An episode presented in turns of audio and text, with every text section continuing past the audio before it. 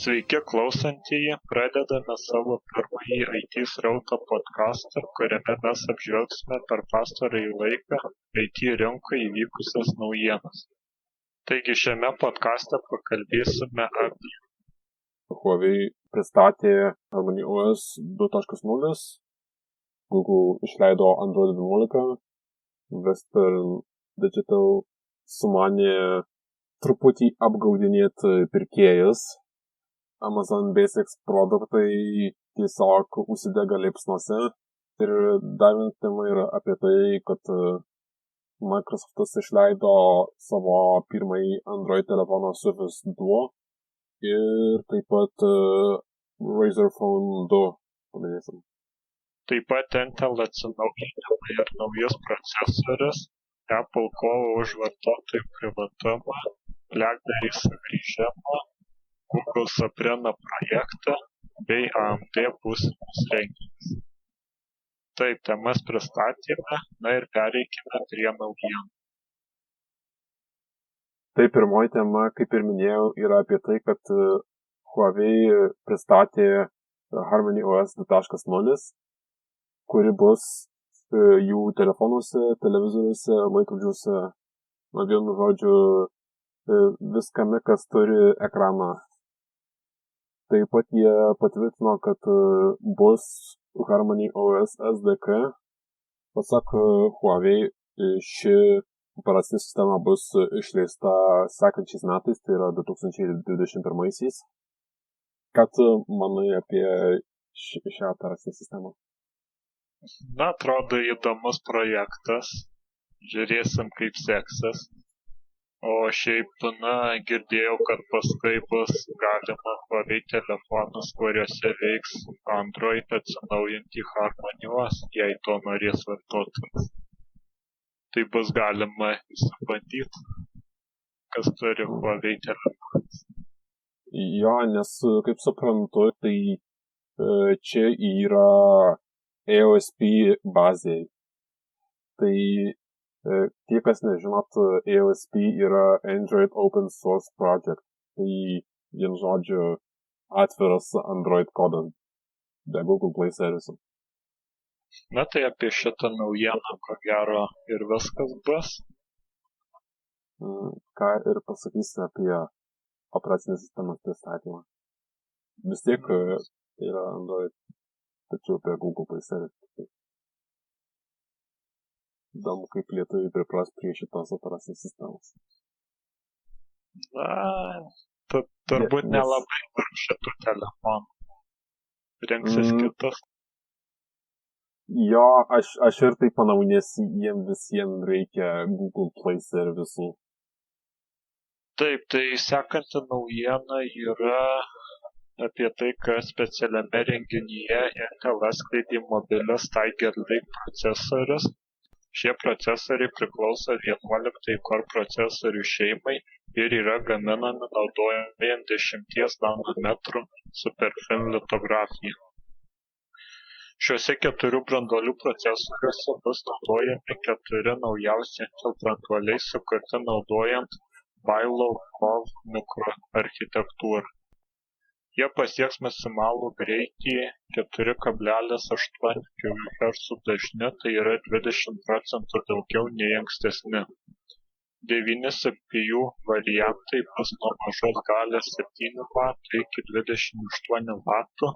Jie priskirti i trys i penki ir i septyni modeliams Intel teigia, kad atliekant tokias užduotis kaip teksto apdorojimas, ji yra 32 procentais spartesnė nei Lake ir 24 procentais greitesnė nei AMD nešiojamojo kompiuterio Ryzen lustai, o atliekant vaizdo įrašų redagavimą ir internetinių žaidimų transliavimą, sparta šoktelės dar labiau. Tai reikšmingiausias nešiojamųjų kompiuterių procesorių šuolis į priekį per daugiau nei dešimtmetį sakė gregory bryantas intel kompiuterių grupės generalinis direktorius naujieji tiger lake procesoriai pirmieji naudos integruotą intel xe grafiką tai turėtų būti arti diskrečių grafikos plokščių našumų ir pasivyti amd vega i GPU, kuri pasiūlys pakankamai spartos net naujausiuose žaidimuose esant minimaliems nustatymams. Jie taip pat palaikys PCI 4.0, Thunderbolt 4 ir Wi-Fi 6. Na, ką manai apie šios naujus procesorius? Įdomu, kokia bus jų nauja integruota grafika. Tikiuosi, kad geresnė negu, negu Intel HD, UHD grafika. Nu taip, nu sako, kad net ir žaidimas paveš gan naujas. Kurgi ne. Nes Vega IGPU tai yra ge geresni negu Intelio. Jo. In Intelio yra prastesni. Na, bus įdomu pasižiūrėti apžvalgą šitų procesorių. Jo. Na ir galbūt kitose savo podcastuose aptarsime dar apie jų, apie šios procesorius. Jo. Intel teigia, kad daugiau nei 150 nešiojamųjų kompiuterių modelių jau yra pasirengę naudoti 11 kartos procesorius iš tokių gamintojų kaip Acer, Asus, Dell, Razer, Samsung ir kita. Kol kas žinoma, kad Samsung turi naująjį Galaxy Book Flex su 5G ir 11 kartos procesoriais. Manoma, pirmieji modeliai turėtų pasirodyti jau netrukus. Kažin, kaip netrukus, gali būti ir po metų. Na, ne, gal kokio po dviejų mėnesių turėtų jau rodytis.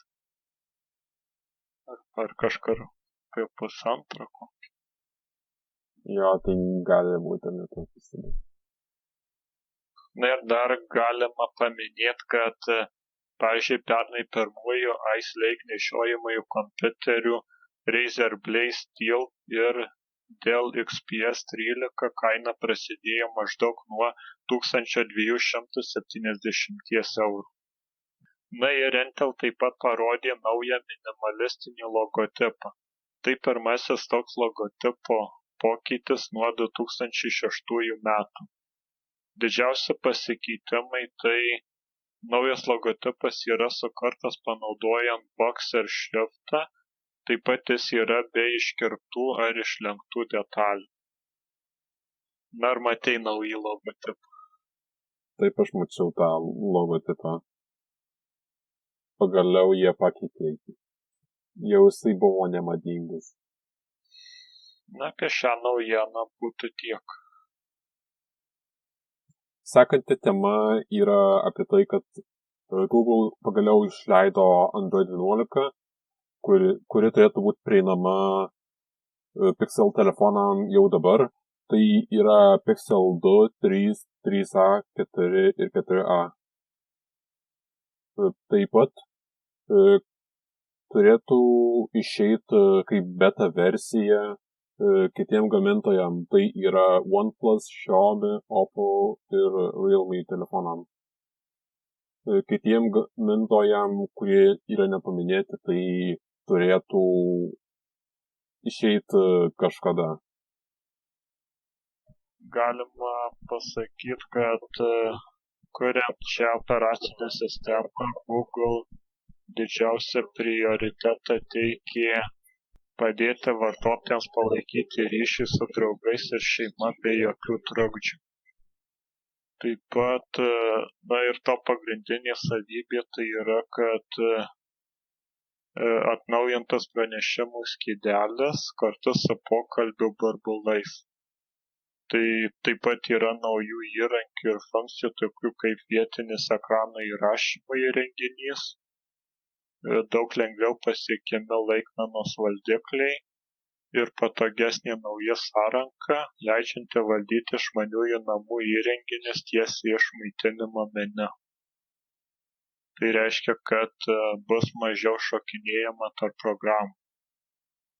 E, na, o apie privatumą, tai buvo privatumo ir saugumo funkcijų rinkinys įdėktas, tai Viena didžiausių tokio rinkinio naujovių yra galimybė suteikti vienkartinius leidimus programoms, kurios prašo naudoti jūsų fotoaparatą, mikrofoną ir vietos duomenis. Tai padės užtikrinti, kad tik patikimos programos gaus nuolatinį prieigą prie neskirtinų dalykų na taip pat dar galima paminėti kad su android vienuolika buvo pristatyta ir lengvesnė android go edition versija kuri dabar palaiko išmaniuos telefonus kurie turi iki 2 GB operatyviosios atminties.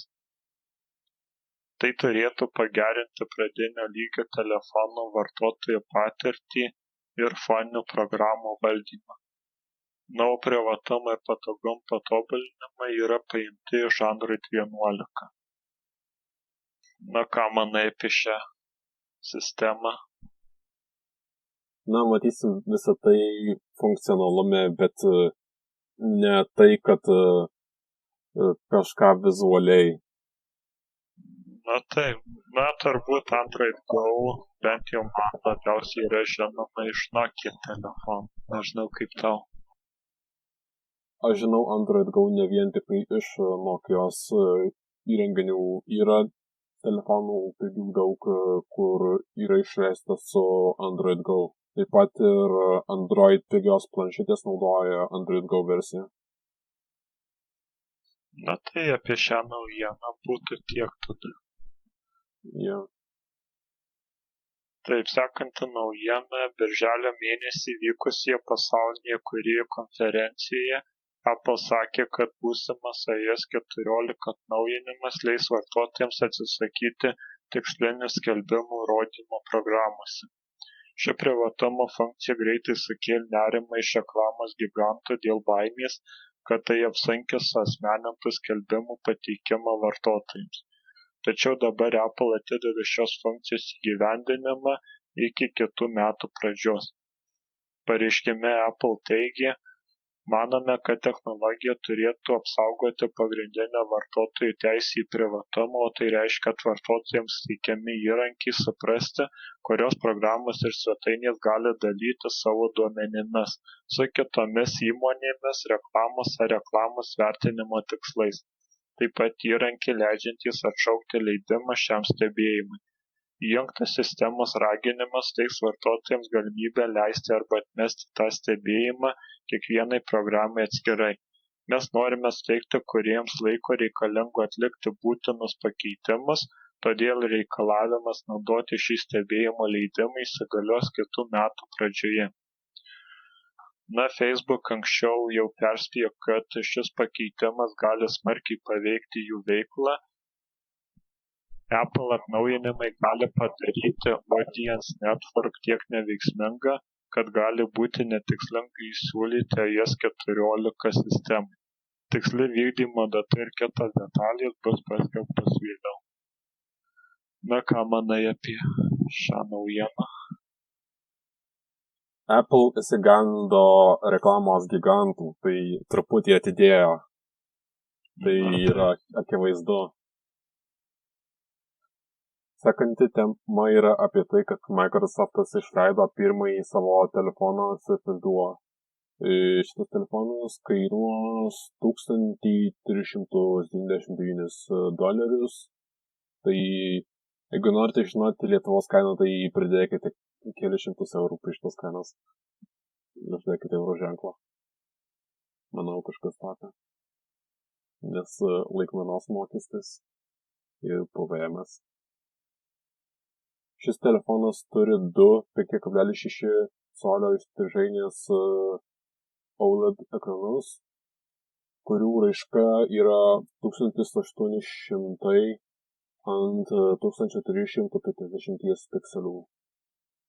Taip pat turi 360 laipsnių vyrius. Ir kas yra jo viduje, tai Snapdragon 855 ir 6 GB darbinės atminties.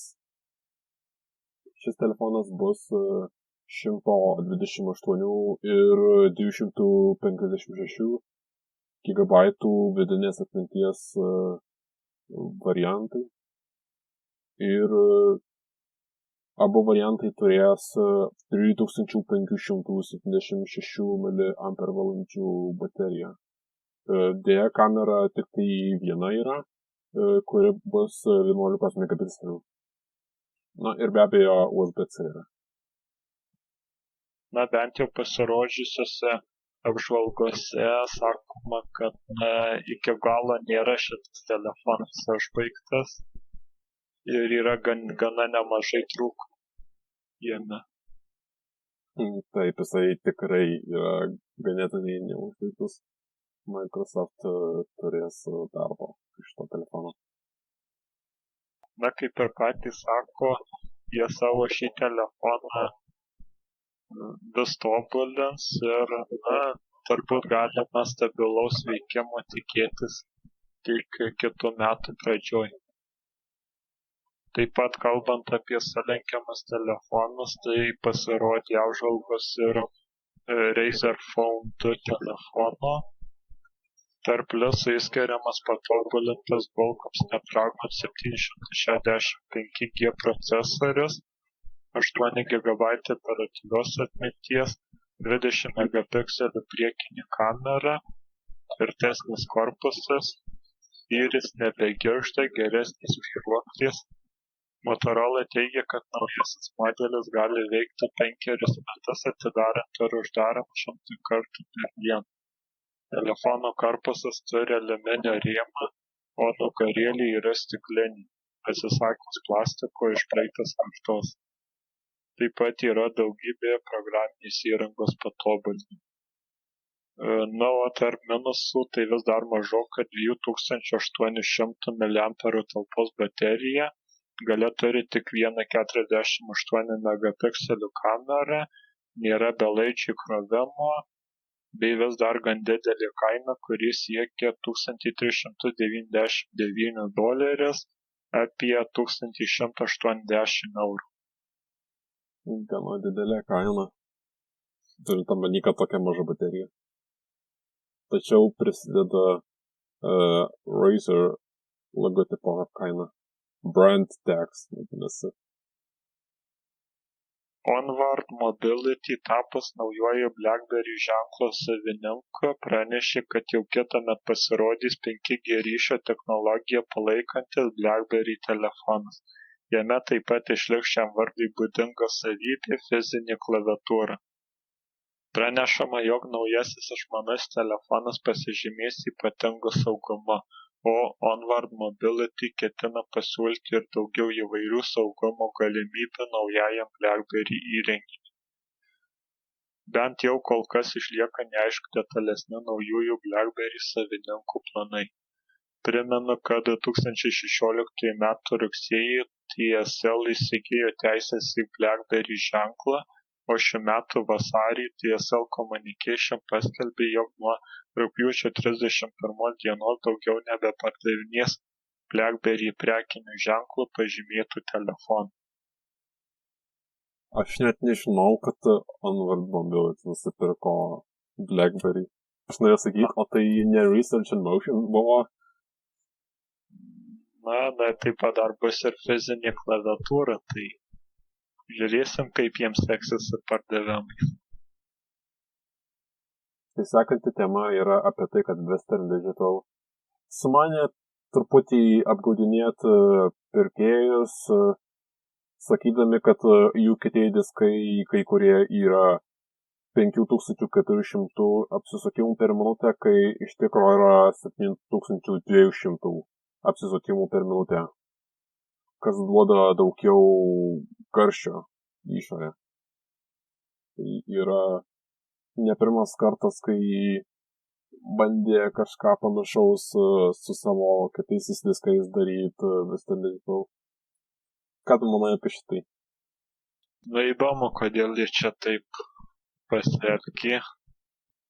O iš pačios kompanijos nėra kažkokio pranešimo apie tai kompanija savo atsakyme teigė, kad e, jie nusprendė rašyti kitojo disko klasę vietoj apsisukimų per minutę greitį. Ir jie tuos kietosius diskus vadina 5400 apsisukimų per minutę klasės. Sekanti naujiena. Metų pradžioje internete pasklido gandai, kad Google kuria prietaisą pavadinimu Sabrina. Artiom Rusakovskiui iš Android Police Twitter tinkle pasidalino žinute jog Google Sabrina greičiausiai bus parduodamas pavadinimu Google Chromecast virš Google TV. Google Chromecast tai nedidelis priedėlis, kuris HDMI jungtimi jungiamas prie televizoriaus ir suteikia jam išmanių savybių. Iš techninių specifikacijų galima paminėti jog įrenginys gebės transliuoti vaizdą 4K raiška 60 kadrų per sekundę kokybe palaikys HDR10 HLG ir Dolby Vision standartus. Veikimo sparta rūpinsis 12 nanometrų technologija pagamintas Amlogic S905X2 procesorius ir du gigabaitai operatyviosios atminties. Taip pat turės atnaujintas bluetooth ir wi-fi mikroschemas pakuotėje bus pridedamas ir bluetooth ryšį palaikantis pultelis įrenginys buvo pastebėtas jav mažmeninės prekybos lyderių target kataloge kur jo kaina rodė 49,99 dolerio tai yra apie 42 eurai bus galima rinktis iš Rocky Candy, Summer Melon ir Summer Blue spalvų. Manoma, kad produktas rinkoje turėtų pasirodyti per artimiausias kelias savaitės. Na, jeigu aš nežinočiau, tai sakyčiau, kad uh, Google susirado draugę, kurios vardas yra Sabrina. Na, projekto pavadinimas iš tikrųjų įdomus. Na taip, bet uh, Aš esu tikras, kad nesivadins tikrai Sabrina. Tai ne, jisai vadinsis Google Chromecast. Na, taip. Na šitas priedėlis turėtų būti kažkas panašaus į gan populiarius šio BTV box, jeigu žinai juos. Ne, man atrodo, nežinau šaknius. Na tai irgi yra tokie išmanūs kaip priedėliai, kur prijungi prie televizoriaus ir, ir juose yra Android sistema įdėkta ir gali programėlės įsidėkti. Būtų tiek tada. Sekanti tema yra apie tai, kad Amazon Basics e, produktai užsidega liepsnose, tačiau Amazonas jais vis dar prekiauja. CNN rado daugiau nei 1500 apžvalgų, kuriuose sako, kad užsidegė jų produktai. Ir sako, kad produktas turėtų būti išimtas iš prekybos. Amazon Basics produktai, kurie turėjo šitų problemų, yra USB laidai, mikrobangų krosnelės, e, prailgintojai ir telefono įkrovikliai. Na tai ką tu manai apie šitai? Na tai Amazon ne pirmą kartą su tokiam problemom susiduria. Esu girdėjęs ir daugiau tokių, na, ne visai tinkamų naudojimai daiktų arba užsidegančių arba dar kažkas su jais įvyksta taip pat buvo rasta ir na ne visai legalių daiktų įvairios draudžiamos simbolikos daiktų pardavinėjimų. Bet čia gal netiesiai iš Amazon. Ne, čia tiesiog e, pačių vartotojų arba įmonių įdėti daiktai. Taip, e, bet čia turėtų omeny, kad jis iš Amazono, nes Amazon Basics yra iš Amazon tiesiog. Amazon parduotuvė yra geresnės kokybės daiktų negu AliExpress parduotuvė. Na, bet aišku, ten e, AliExpress tai e, deda skelbimus įmonės ir vartotojai. Būtent. Paskutinė naujiena AMD oficialiai pranešė, kad spalio 8 dieną pristatys naujus savo Zen 3 procesorius. Jo metu turėtų būti išleidžiami Ryzen 4000 serijos procesoriai staliniams kompiuteriams, o spalio 28 dieną RDNA 2 vaizdo plokštės, kurios priklausys RX 6000 serijai. Produkto išleidimas, manoma, turėtų įvykti lapkričio mėnesį. E, taip pat dar galima paminėti, kad neseniai NVIDIA atskleidė tris savo Ampere architektūros vaizdo plokštės, tai RTX 3090, kuri bus išleista rugsėjo 24 dieną už 1499 dolerius RTX 3080 bus išleista rugsėjo 17 dieną už 699 dolerius ir RTX 3070 bus išleista spalio mėnesį už 499 dolerius. Na, šitos vaizdo plokštės e, yra gana brangios, tačiau jos turės e, daugiau galios Na taip, na ir įdomu, kaip AMD seksis.